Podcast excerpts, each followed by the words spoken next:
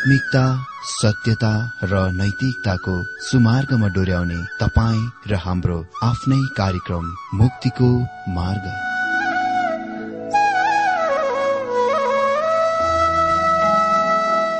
आदरणीय श्रोता यस मुक्तिको मार्ग कार्यक्रममा हार्दिक स्वागत छ। आशा छ यस आत्मिक कार्यक्रमद्वारा जीवनमा आत्मिक आशिष अलौकिक शान्ति र आनन्द प्राप्त गर्नुहुनेछ। र जीवनमा धन्य अनुभव गर्नुहुनेछ। आउनुहोस् श्रोता मन र आत्माको तयारीको लागि यो मिठो अनि मधुर भजन गीत सुनौ। खोला पारी रोजे जस्तो बादलले ढाकेको बेला ताराहरू खोजे जस्तो नयाँ जीवन पाएर पनि मेरो कदम कदममा नयाँ आशिष नयाँ अनुभव चाहन्छु म। नयाँ आशिष नयाँ अनुभव चाहन्छु म। खोलावारी बस्दा बस्दा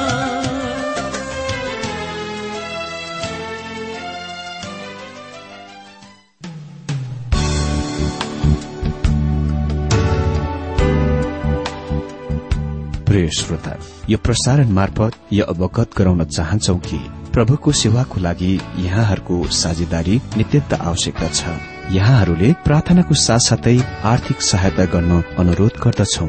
तपाईँहरूको सानो भन्दा सानो भेटी किन नहोस्? हामी प्रभुको नाममा स्वीकार गर्नेछौ प्रभुको सेवाको लागि। तपाईँहरूको यो सानो लगानीले कसैको जीवनमा भिन्नता ल्याउँछ अनि प्रभुको महिमा हुन्छ। प्रभु तपाईँहरूलाई महान गरी आशिष दिनुहुनेछ। इच्छुक श्रोताहरूले तपाईँको इच्छा भेटी हाम्रो ठेगानामा पठाउन सक्नुहुन्छ जुन ठेगाना हामी कार्यक्रमको अन्तमा दिनेछौ। आज हामी बाइबल अध्ययन प्रकाश चौध अध्यायबाट आरम्भ गर्न गइरहेका छौं। यस अध्यायमा धेरै घटनाहरूको समावेश छ। यो अन्तराल वा विराम हो जुनमा हामी सियोन पर्वतमा थुमालाई देख्छौ। अनन्तकालीन सुसमाचारको अनन्तकालको सुसमाचारको घोषणाको सुन्दछौ बाबेलमाथि र पशुको छाप पाउने ग्रहण गर्नेहरूमाथि दण्डको घोषणाको देख्छौं। त्यसपछि प्रभुमा मर्नेहरूको लागि स्तुति प्रशंसाको र आर्मगदोनको पूर्व दृश्यको घोषणाको देख्छौ। यो चौध अध्यायमा सात व्यक्तित्वहरूका अनुक्रममा दरार सम्मिलित भएको देख्छौ। यो स्पष्ट छ कि यो अन्तराल वा विराम छैटौं र सातौं ती व्यक्तित्वहरूको बीचमा उठाइन सकिन्न जो दुई जंगली पशु हुन्। निश्चय नै तिनीहरूलाई एकैसाथमा एकसँग विचार गरिनु पर्दछ किनकि तिनीहरू जम्ल्या जस्तै हुन् र तिनीहरूका बीचमा निरन्तरता टुट्न सक्दैन। त्यसकारणले यस विराम वा अन्तराल समयले यो पुस्तकको तर्कसंगत अनुक्रमाको चिनारी वा पहिचानमा सातौं त्यस व्यक्तित्वको पछ्याउँछ जुन दर्शनहरूको खिचडी होइन तर तर्कसंगतमा अनुक्रममा र गणितीय क्रममा प्रकट गर्दछ। त्यहाँ हामीले अघि देखिसकेको सात व्यक्तित्वहरूको अलावा निश्चित ती व्यक्तित्वहरू छन् जुनलाई यस अध्यायमा हाम्रो ध्यानमा ल्याइएको छ। ताकि पूर्ववर्ती अध्यायको शानदार प्रदर्शनीका पूर्ण दृश्य हामीलाई दिन सकियोस्। हामीले देखिसकेका छौं कि विश्वको इतिहासमा सबभन्दा अन्धकार र भयानक घड़ी हो। यो निश्चय नै नर्कको विदाको दिन हो छुट्टीको दिन हो। प्रत्येक विचारशील दिमागले यो प्रश्न सोध्नै पर्छ परमेश्वरको जनहरूको यस अवधिमा कस्तो अवस्था हुनेछ त? के तिनीहरू त्यस्तो कठोर भयानक कष्टपूर्ण समयमा पनि अन्तसम्म प्रभुप्रति विश्वासयोग्य रहन सक्दछन्? यसको उत्तर यो अध्यायमा हामी पाउँदछौ। त्यो गोठाला जसले एक लाख चौवालिस हजार भेडासँग आरम्भ गर्नुभयो अहिले थुमाको रूपमा तिनीहरूसँग पहिचान गरिएका छन्। अनि यो कुराको ध्यान दिनुहोस् उहाँसँग एक लाख त्रितालिस हजार भेडा छैन। उहाँसँग एक लाख चौवालिस हजार भेडा छ। अनि उहाँले एउटा पनि हराउनु भएन। उहाँले तिनीहरूलाई छुटकार दिनुभयो। उहाँले तिनीहरूलाई छाप मार्नुभयो। किनभने उहाँ भेडाको महान गोठाला हुनुहुन्छ। यी भेडाहरू हाम्रा दिनमा आजका भेडाहरूबाट अलग बेग्लै बगालका हुन्। अनि असल गोठालाले महाक्लेशमा भएर तिनीहरूलाई ल्याउनुभयो। त्यो नै तस्विर यस चौध अध्यायमा हामी देख्छौं। यो थाहा पाउनु सान्त्वनाको कुरा हो कि थुमा दुई पशुहरू होइन अन्तिम वचन बोल्न गइरहनु भएको छ। उहाँ अजिङ्गर जस्तै बोल्ने थुमा हुनुहुन्न। उहाँ प्रभु येशु ख्रिष्ट स्वयं नै हुनुहुन्छ। अनि जबकि उहाँ अन्तिम वचन बोल्न गइरहनु भएकोले गर्दा बेबिलोन पतन हुनेछ गिर्नेछ महाक्लेश अवधिमा।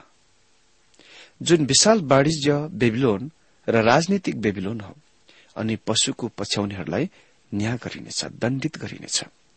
यद्यपि धेरै ख्रिष्टका आफ्नैहरू पनि महाक्लेश अवधिका वा त्यस अवधिमा शहीद भए तापनि तिनीहरू पराजित हुने छैनन् हार्ने छैनन्। तिनीहरूले जित्नेछन् म काल्विनसँग भन्दछु कि म त्यस झुण्डसँग आज हुन चाहन्छु जो हार्ने वा पराजित देखिन्दछ तर अन्त्यमा चाहिँ जित्नेछ त्यस झुण्डमा हुनुभन्दा जो आज जित्ने र विजयी जस्तो देखिन्दछ तर भविष्यमा सधैँको निम्ति अनन्त अनन्त कालभरि हान गइरहेको छ। म जित्ने विजयी हुने पक्षमा हुनु पाउँदा म अति नै खुशी छु। ख्रिसले तिनीहरूलाई पुरस्कार दिनुहुनेछ जो उहाँको लागि शहीद हुनेछन्। अनि उन्नाइस अध्यायमा हामी थुमा पृथ्वीमा फर्की आइरहनु भएको देख्छौ। बिहानी आइरहेको छ अन्धकार भागी जानेछ अनि धार्मिकताको सूर्य आफ्नो पंखहरूमा चंगाई लिएर उदय हुनेछ। त आज हामी प्रकाश चौध अध्याय एकदेखि सातसम्मबाट वचन देख्नेछौ। आज हामी सर्वप्रथममा देख्छौ एक लाख चौवालिस हजारसँग थुमाको तस्विर। प्रकाश चौध अध्याय एक पदमा यस प्रकार लेखिएको छ अनि मैले हेरे अनि हेर थुमा सियोन पर्वतमाथि उभिनुभयो। अनि उहाँको साथमा उनीहरूको निधारहरूमा उहाँको पिताको नाम लेखिएका एक लाख चौवालिस हजार थिए। मैले हेरे यसले यो संकेत गर्दछ कि युहान अझै यी घटनाहरूका दर्शक हुन्। रिल बेरिन जारी रहन्छ र कथा फैलिन र प्रकट हुन जारी रहन्छ। थुमा थुमा चाहिँ प्रभु येशु ख्रिष्ट हुनुहुन्छ जुन हामीले अध्याय पाँचदेखि सात र बाह्रदेखि तेह्र अध्यायमा देखिसकेका छौं। सियोन पर्वत यो चाहिँ यरुसलेममा छ। यस स्थानको इसरायलको मुलुकको यरुसलेममा भन्दा अरू क्षेत्रमा स्थान निर्धारण गर्न कोशिश गर्ने काममा कुनै फाइदा छैन। मतलब त्यो इसरायलको मुलुक यरुसलेम भन्ने स्थानमा त्यो सियोन पर्वत स्थित छ। यो पदले शान्त गोठालाको दृश्यको तस्विर दिन्छ जुनले यो पृथ्वीमाथि हजार वर्षीय राज्यको खोल्दछ। प्रभु येशु यरुसलेमबाट शासन गर्न गइरहनु भएको छ। परमेश्वर स्वयंले यसलाई महान राजाको सहर भन्नुभयो। अनि भजन संग्रह दुई अध्याय छ पदमा उहाँ भन्नुहुन्छ मैले आफ्नो पवित्र डाँडा सियोनमा आफ्नै राजालाई स्थापित गरेको छु। यो पिता परमेश्वरको इरादा हो कि येशुलाई यरुसलेममा दाउदको सिंहासनमाथि राख्ने विशेष गरेर सियोन पर्वतमा। एक लाख चौवालिस हजारहरू चाहिँ तिनीहरू हुन् जसलाई सात अध्यायमा छाप मारिएका थिए। यद्यपि मलाई थाहा छ कि यस विचारसँग केही समस्याहरू जोडिएका छन्। तिनीहरू आगोको भट्टीबाट तीनजना यहुदी केटाहरू निस्कि आए चाहिँ महाक्लेशबाट निस्कि आएका थिए। यो कुराको ध्यान दिनुहोस् कि थुमा तिनीहरूसँग सियोन पर्वतमा उभिरहेका छन्। यद्यपि उहाँ आफ्नो व्यक्तिमा थुमा हुनु भए तापनि उहाँ गोठाला पनि हुनुहुन्छ। यो कुराको ध्यान दिउ कि उहाँले एक लाख चौवालिस हजारसँग आरम्भ गर्नुभयो र उहाँ एक लाख चौवालिस हजारसँग महाक्लेशमा भएर निस्कि आउनुभयो। उहाँले एउटैलाई पनि हराउनु भएन गुमाउनु भएन। मेरो मित्र हाम्रा दिनमा जब शैतानको दबावले चापले हामीलाई निज गराउँदछ। जीवित विजय ख्रिष्ट हामी कहाँ उपलब्ध हुनुहुन्छ। ओ कति अद्भुत हुने थियो। यदि तपाईँ र म उहाँलाई अझ धेरै गरेर जान्न सके थाहा गर्न सके र हरेक दिन दिन वा दिन हाम्रो जीवनहरूमा अझ ठूलो स्थान उहाँलाई दिन सके म मेरो आफ्नै अनुभवमा दृढ निश्चित भएको छु कि येशु ख्रिष्ट सम्पूर्ण कुराको उत्तर हुनुहुन्छ। जब म यो आदर्श वाक्य देख्छु येशु ख्रिष्ट उत्तर हुनुहुन्छ। म सधैँ भन्छु यो प्रश्न के हो त्यसमा आश्रित हुन्छ। त्यसमा भर पर्छ। तर निश्चय नै उहाँ समस्याहरूको लागि उत्तर हुनुहुन्छ जुनको लागि मानिसहरू केही साना विधिहरूद्वारा समाधानको निकाल्न प्रयत्न गर्दछन्।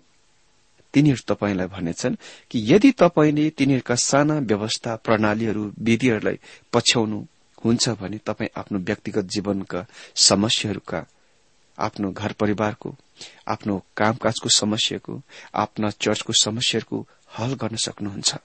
तर मलाई लाग्दैन मलाई लाग्दैन कि तिनीहरूका विधिहरूले कुनै समस्याको हल गर्न सक्छ। बरु त्यस्ताहरूलाई कम विजयी जीवन जीरहेको हारको विश्वासी जीवनको अनुभवमा गुजरिरहेको म देख्छु। आज वास्तविक समस्या के हो? हामीलाई विधिको आवश्यक पर्दैन हामीलाई नियमको आवश्यक पर्दैन हामीलाई ख्रिसको आवश्यक पर्दछ। हामीले उहाँलाई अर्थपूर्ण तरिकामा जान्नु पर्दछ हामी उहाँ कहाँ झन निकटतामा खिचिनु पर्दछ अमित्र कुन चाहिँ अन्तिम समय थियो? तपाईँले उहाँलाई भन्नुभयो कि तपाईँले उहाँलाई प्रेम गर्नुभयो। तपाईँ उहाँलाई प्रेम गर्नुहुन्छ। उहाँले भन्नुभयो कि उहाँले तपाईँलाई प्रेम गर्नुहुन्छ र तपाईँले पनि त्यसको प्रति जवाबमा उहाँलाई भन्नुपर्छ। म तपाईँलाई प्रेम गर्छु।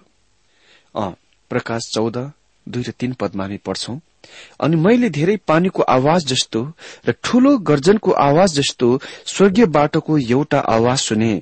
अनि मैले आफ्ना बीड़ा बजाइरहेका बीड़ा बजाउनेहरूको आवाज सुने। अनि तिनीहरूले सिंहासनको सामु र चार जीवित प्राणीहरू र प्राचीनहरूका सामु मानव एउटा नयाँ गीत गाए।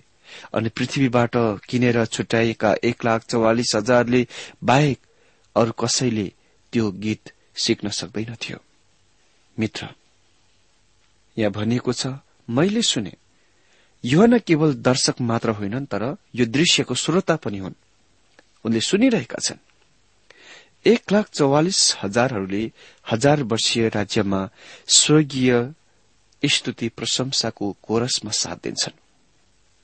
के तपाईँले कहिले एक लाख चौवालिस हजार जनाको गायक दल वा झुनको आवाज सुन्नुभएको छ? अहिलेसम्म पृथ्वी स्वर्गीयसँगको तालमेलबाट बाहिर छ अलग छ। तर अहिले यहाँ शैतानको शासन पूरा भएको छ यहाँ। यस बिन्दुमा र अहिले पृथ्वी र स्वर्गीय तालमेलमा छ। जब हामी हजार वर्षीय राज्यमा मिलेनियममा प्रवेश गर्दछौ संसारसँगका सम्पूर्ण सहीहरू सत्य हुन गइरहेको छ। अहिले हालमा संसारसँगका सम्पूर्ण गल्ती बेठिक विषयहरू छन् तर त्यस दिनमा सबै सही ठिक हुनेछ। एक लाख चौवालिस हजारले नयाँ गीत सिक्नेछ र स्वर्गीयको स्वरतामा संस्वरतामा साथ दिनेछ। तिनीहरू मिल्नेछन् अनि मैले आफ्ना बीड़ा बजाइरहेको बीड़ा बजाउनेहरूको आवाज सुने। परमेश्वरले आफ्ना बीड़ा बजाउनेहरूलाई स्वर्गीयमा राख्नु भएको छ। जबकि एक लाख चौवालिस हजार जना पृथ्वीमा सियोन पर्वतमा छन् त्यो वाद्य यन्त्रबाट लामो दूरीमा छ। यी स्वर्गीयका बीड़ा बजाउनेहरूले सुन्दर संगति बनाउन गइरहेको छन्। सुन्दर संगति गर्न गइरहेका छन्। अनि पृथ्वीबाट किनेर छुट्याएका एक लाख चौवालिस हजार यसको मतलब हो पृथ्वीमा हजार वर्षीय राज्यमा प्रवेश गराउन किनिएका छन्। तिनीहरूलाई स्वर्गीयमा लगिँदैनन्। यो कुराको याद राख्नुहोस्। यो पृथ्वीमा हजार वर्षीय राज्यको तस्विर हो। अनि यिनीहरू पृथ्वीमा निरन्तर रहिरहनेछन्। उद्धार नपाएकाहरू पृथ्वीमा निरन्तर रहिरहन गइरहेका छैनन्।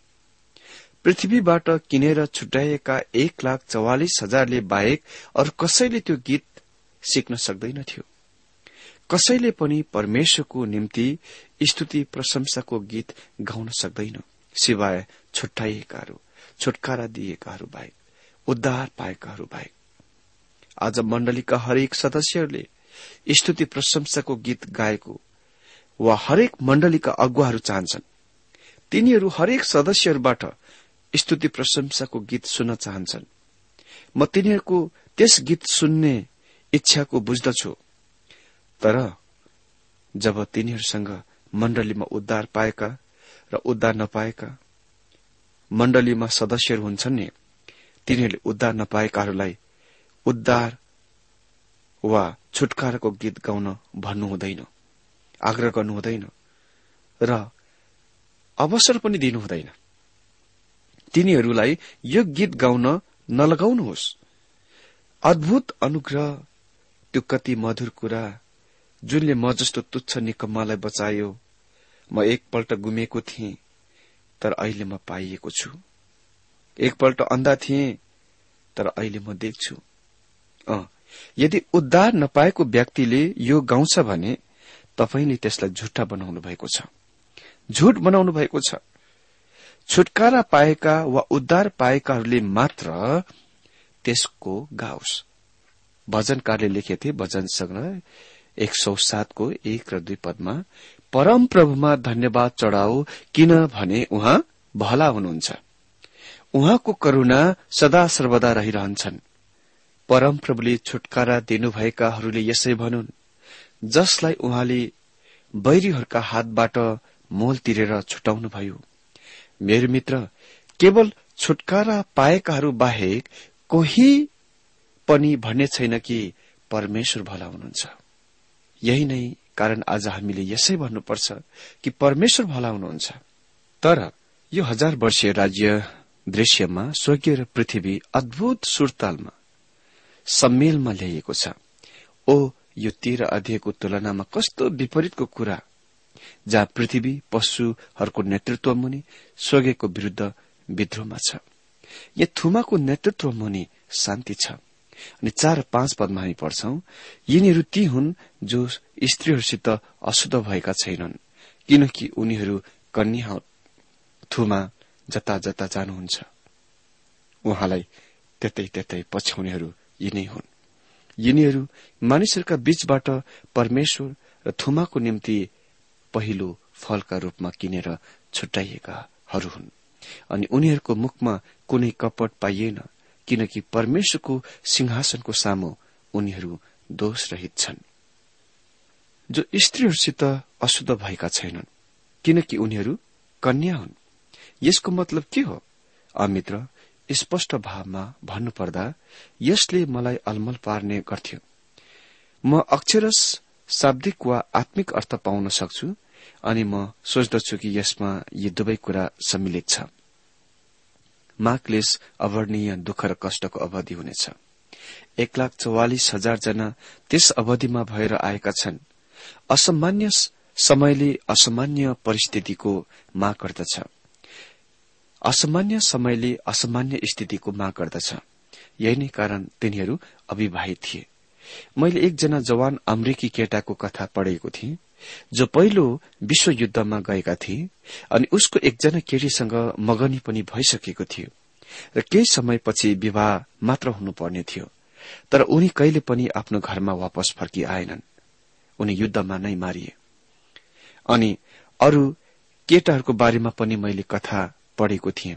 जसले युद्धमा जानभन्दा केही समय पहिले मात्र विवाह गरेथे र तिनीहरू आफ्ना बच्चाहरूका पिताहरू त बने जसको तिनीहरूले कहिले पनि देखेनन्। त्यो नै युद्धको समय थियो अनि धेरै केटीहरूले संकल्प गरे कि त्यस पहिलो विश्वयुद्धको समयमा विवाह नगर्ने वा विवाह गर्ने छैनन् र विवाह नगर्ने काम गरे। अ माघलिस अवधिमा समयहरू अति नै भयानक हुन गइरहेको छ कि त्यस बेला विवाह नगर्नु नै बुद्धिमानी कुरा हुनेछ। तपाईँले यादै होला कि यर्मिया भविष्य वक्ता पनि संकष्टकालीन समय त्यो अवधिमा रहेका थिए। अर्थात बेबेलोनी कैदको समयमा। अन्धकारमय दिनहरूको कारण परमेश्वरले तिनलाई विवाह गर्न मना गर्नुभयो। यर्मिया सोह्र अध्याय एकदेखि चार पदमा हामी पढ्छौं। तब परमप्रभुको यो वचन म कहाँ आयो। तब परमप्रभुको यो वचन म आयो यस ठाउँमा तैले विवाह गर्नु र छोरा छोरी जन्माउनु हुँदैन। किनकि यस देशमा जन्मेका छोरा छोरीहरू र तिनीहरूलाई जन्माउने आमा बाबुहरूका विषयमा परमप्रभु यसो भन्नुहुन्छ। तिनीहरू घातक रोगले मर्नेछन् तिनीहरूका लागि कसैले शोक गर्ने छैनन् अथवा कसैले तिनीहरूलाई गाड्ने छैनन्। तिनीहरू भुइँमा कसिङ्गर झै लड़िरहनेछन्। तिनीहरू तरवार र अनिकालले नष्ट हुनेछन् र तिनीहरूका लास आकाशका पंक्षीहरू र पृथ्वीका पशुहरूको लागि आहार हुनेछ। हाम्रो प्रभुले तिनीहरूको उल्लेख गर्नुभएको छ जो महाक्लेशकाल अवधिमा आमाहरू हुनेछन्। मती चौबिस उन्नाइस पदमा तर ती दिनहरूमा गर्भवती हुने र दूध खुवाउनेहरूलाई हाय। तपाईँ म त्यस्तो दिनमा रहेका छौं। जुनमा विवाह आदरयोग्य र त्यसको गर्न उत्साह दिइन्दछ अति नै धेरै यौन मैथुन वा सेक्समाथि मित्र महाक्लिस अवधिमा जोड़ दिइनेछ। अनि निश्चय नै अनैतिकता त्यस समयमा महाक्लिस अवधिमा प्रबल हुनेछ। अनि एक लाख चौवालिस हजार चाहिँ आफैलाई त्यस महाक्लेशको त्यस किसिमका पापहरूबाट अलग राख्नेछन्। अहिले व्याविचारलाई आत्मिक अर्थमा विचार गर्दा पुरानो नियममा मूर्ति पूजालाई आत्मिक व्यविचारको रूपमा विचार गरिन्दथ्यो। त्यसको खास उदाहरण इजिकेल सोह्र अध्यायमा छ जहाँ हामी व्याविचार र मूर्ति पूजाको लागि इसरायलको विरूद्ध कठोर निन्दाको थाहा पाउँछौ। जुन प्रतिमा पूजा हो। एक लाख चौवालिस हजारले पशुको र त्यसको मूर्तिको महाक्लिस अवधिमा पूजा गर्नबाट आफैलाई अलग राखे। त्यसकारण यो कथन यिनीहरू ती हुन् जो स्त्रीहरूसित अशुद्ध भएका छैनन् किनकि उनीहरू कन्या हुन्। यसले सम्भवत यी दुवै अक्षरस र आत्मिक अर्थमा पवित्रताको संकेत गर्दछ। अनि यसले असल अर्थ पनि दिन्छ। परमेश्वर र थुमाको निम्ति पहिलो फल। यससँग चाहिँ इसरायल राष्ट्रको संकेत छ। रोमी एघार अध्यय पन्ध्र र सोह्र पदमा हामी पढ्छौं किनकि तिनीहरूको अफालिनु चाहिँ संसारको मेल हुनु ठरियोस् भने तिनीहरूको ग्रहण गरिनु चाहिँ मरेकाहरूबाट जीवन नठरिए अरू के होला त? किनकि पहिलो फल पवित्र ठरियोस् भने ढिका पनि पवित्र ठरिन्छ। पहिलो फल पवित्र ठरियो भने ढिका पनि पवित्र ठरिन्छ। अनि जरा पवित्र ठरियो भने हाँगा पनि त्यस्तै ठरिन्छ। अनि यसरी हामी देख्छौ कि इसरायललाई पहिलो फलहरूको रूपमा वर्णन गरिएको छ विशेष गरेर एक लाख चौवालिस हजारलाई। र म विश्वास गर्दछु कि तिनीहरूले हजार वर्षीय राज्य अवधिमा अद्वितीय स्थानको ओगट्नेछन् तिनीहरू निश्चय नै थुमासँग अग्रगामी रक्षक दल हुनेछन् जब उहाँ आफ्नो राज्यको स्थापन गर्न वापस आउनुहुन्छ। यो हामी उन्नाइस अध्यायमा देख्नेछौ। अनि उनीहरूको मुखमा कुनै कपट पाइएन। यसको मतलब त्यस पशुको ठूलो झुटमा संलग्न भएनन् जब त्यसले झुट चमत्कारी कार्यहरू प्रयोग गरेथे। तिनीहरूले उसको झुट्टा धोकामा परेनन् वा तिनीहरू फसेनन्। यो कुराको याद राखौं कि प्रभु येशुले भन्नुभयो यदि चुनिएकाहरूलाई पनि धोका दिन सम्भव भए तिनीहरू धोका दिने थिए। तिनीहरू धोका दिइने थिए। तर तिनीहरू धोका दिइने छैनन्। तिनीहरू दोषरहित थिए। के तिनीहरू दोषरहित यस कारणले थिए किनभने तिनीहरू महाक्लेशद्वारा शुद्ध गरिएका थिए? अह तिनीहरू दोषरहित छन् किनभने तिनीहरू ख्रिष्टको धार्मिकतामा पहिराइएका छन्। अमित्र त्यही नै तरिकामा म पनि स्वर्गीयमा हुन गइरहेको छु। म स्वर्गीयमा यस कारणले हुन गइरहेको छुइन किनभने म असल छु म धर्मी छु किनभने म जान्दछु कि म असल छैन। अनि तपाई पनि असल हुनुहुन्न। हामी सबै पापीहरू हौ जो परमेश्वरको अनुग्रहद्वारा उद्धार पाएका छौं। त्यसपछि निम्न पदहरूमा देख्छौ अनन्त सुसमाचारको घोषणा। प्रकाश चौधद्य छ सात पदमा यस प्रकार लेखेको छ अनि पृथ्वीमाथि बस्नेहरू र हरेक जाति कुल भाषा र भाषीहरू र मानिसहरूलाई प्रचार गर्नलाई अनन्त सुसमाचार साथमा भएको अर्को एउटा स्वर्गीयदूतलाई मैले आकाशको बीचमा ठूलो स्वरले यसो भन्दै उडिरहेको देखे। अमित्र अनि सात पदमा पढिदिन्छु। परमेश्वरको डर मान र उहाँलाई महिमा देऊ किनकि उहाँको न्यायको घड़ी आएको छ। अनि जसले स्वर्गीय पृथ्वी समुद्र र पानीका मुहानहरू सृष्टि गर्नुभयो उहाँलाई दण्डवत गर। मित्र यहाँ हामी के देख्छौ भन्दाखेरि अर्को स्वर्गीयदूत यसले पृथ्वीसँग परमेश्वरको संचारको मूल लेखमा अर्को आधारभूत परिवर्तनको सूचित गर्दछ। यो स्वर्गीयदूत अर्को छ स्वर्गीयदूतको प्रदर्शनमा पहिलो हो जुन पद आठ नौ अनि पन्ध्र अनि सत्र र अठारमा उल्लेख भएको छ। हाम्रा दिनहरूमा हाम्रा युगहरूमा सुसमाचार मानिसहरूको हातमा दिइएको छ। अनि तिनीहरू मात्र यसको दूतहरू हुन्। सन्देश भागहरू हुन्। स्वर्गीय दूतहरू सुसमाचारको सन्देश दिन मन त गर्छन् र चाहन्छन् पनि तर त्यो गर्न तिनीहरूलाई अनुमति दिइएको छैन। महाक्लेशको आरम्भमा मानिसहरू परमेश्वरका सन्देश भागहरू हुन् जुन एक लाख चौवालिस हजारहरूले प्रकट गर्दछ। अलौकिक शक्ति सहितका दुई साक्षीहरू शैतानको विरूद्ध खड़ा हुन सकेनन् तर पृथ्वीको सैतानिक दृश्यबाट हटाइएका थिए। स्वर्गीय दूतहरू साथै मानिसहरू पुरानो नियमका सन्देशवाहकहरू थिए। हेब्रु दुई अध्याय दुई पदमा हामी पढ्छौं किनकि स्वर्गीय दूतहरूद्वारा बोलेको वचन स्थिर रह्यो। महाक्लेश अवधिमा समयहरू यति भीषण तीव्र हुनेछ।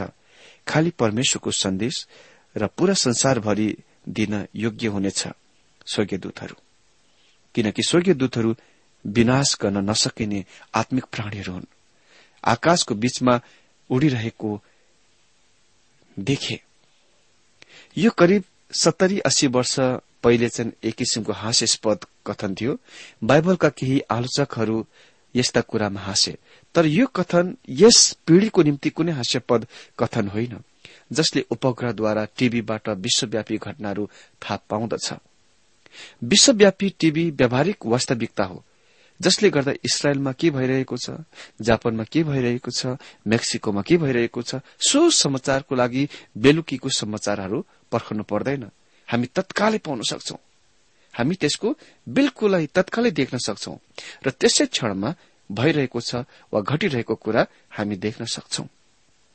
युहानले उल्लेख गरेका आकाशको बीचमा उडिरहेको स्वर्गीयदूतले सम्पूर्ण संसारको निम्ति प्रसारण केन्द्र स्टेशनको रूपमा सेवा गर्नेछ। अनन्त सुसमाचार। प्रश्न स्वाभाविक रूपले खड़ा हुन्छ यो सुसमाचार कस्तो हो? जबकि सुसमाचारको मतलब हो शुभ सन्देश।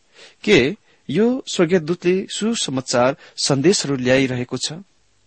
हाँ यो तिनीहरूको निम्ति शुभ सन्देश हो। जो परमेश्वरको सन्तान हुन्। तर यो अविश्वासीहरूको निम्ति खराब सन्देश हो। परमेश्वरको डर मान यो अनन्त सुसमाचारको सन्देश हो। त्यो सुसन्देश हो। हितपदेशको लेखकले भन्छ परमप्रभुमा डर चाहिँ बुद्धिको आरम्भ हो। भावमा स्वर्गीय दूतले भनिरहेका छन् समझदार हो बुद्धिमान हो। किनभने तिमीहरूलाई परमेश्वरको डर मान्न आवश्यक छ। परमेश्वरले तिनीहरूलाई अनुग्रहद्वारा बचाउनुभयो। उद्धार गर्नुभयो तर उहाँले यो संसारलाई दण्ड दिन गइरहनु भएको छ। यो दण्डमा ख्रिष्टको आगमन भन्दा पहिले परमेश्वरको अन्तिम बोलावट हो।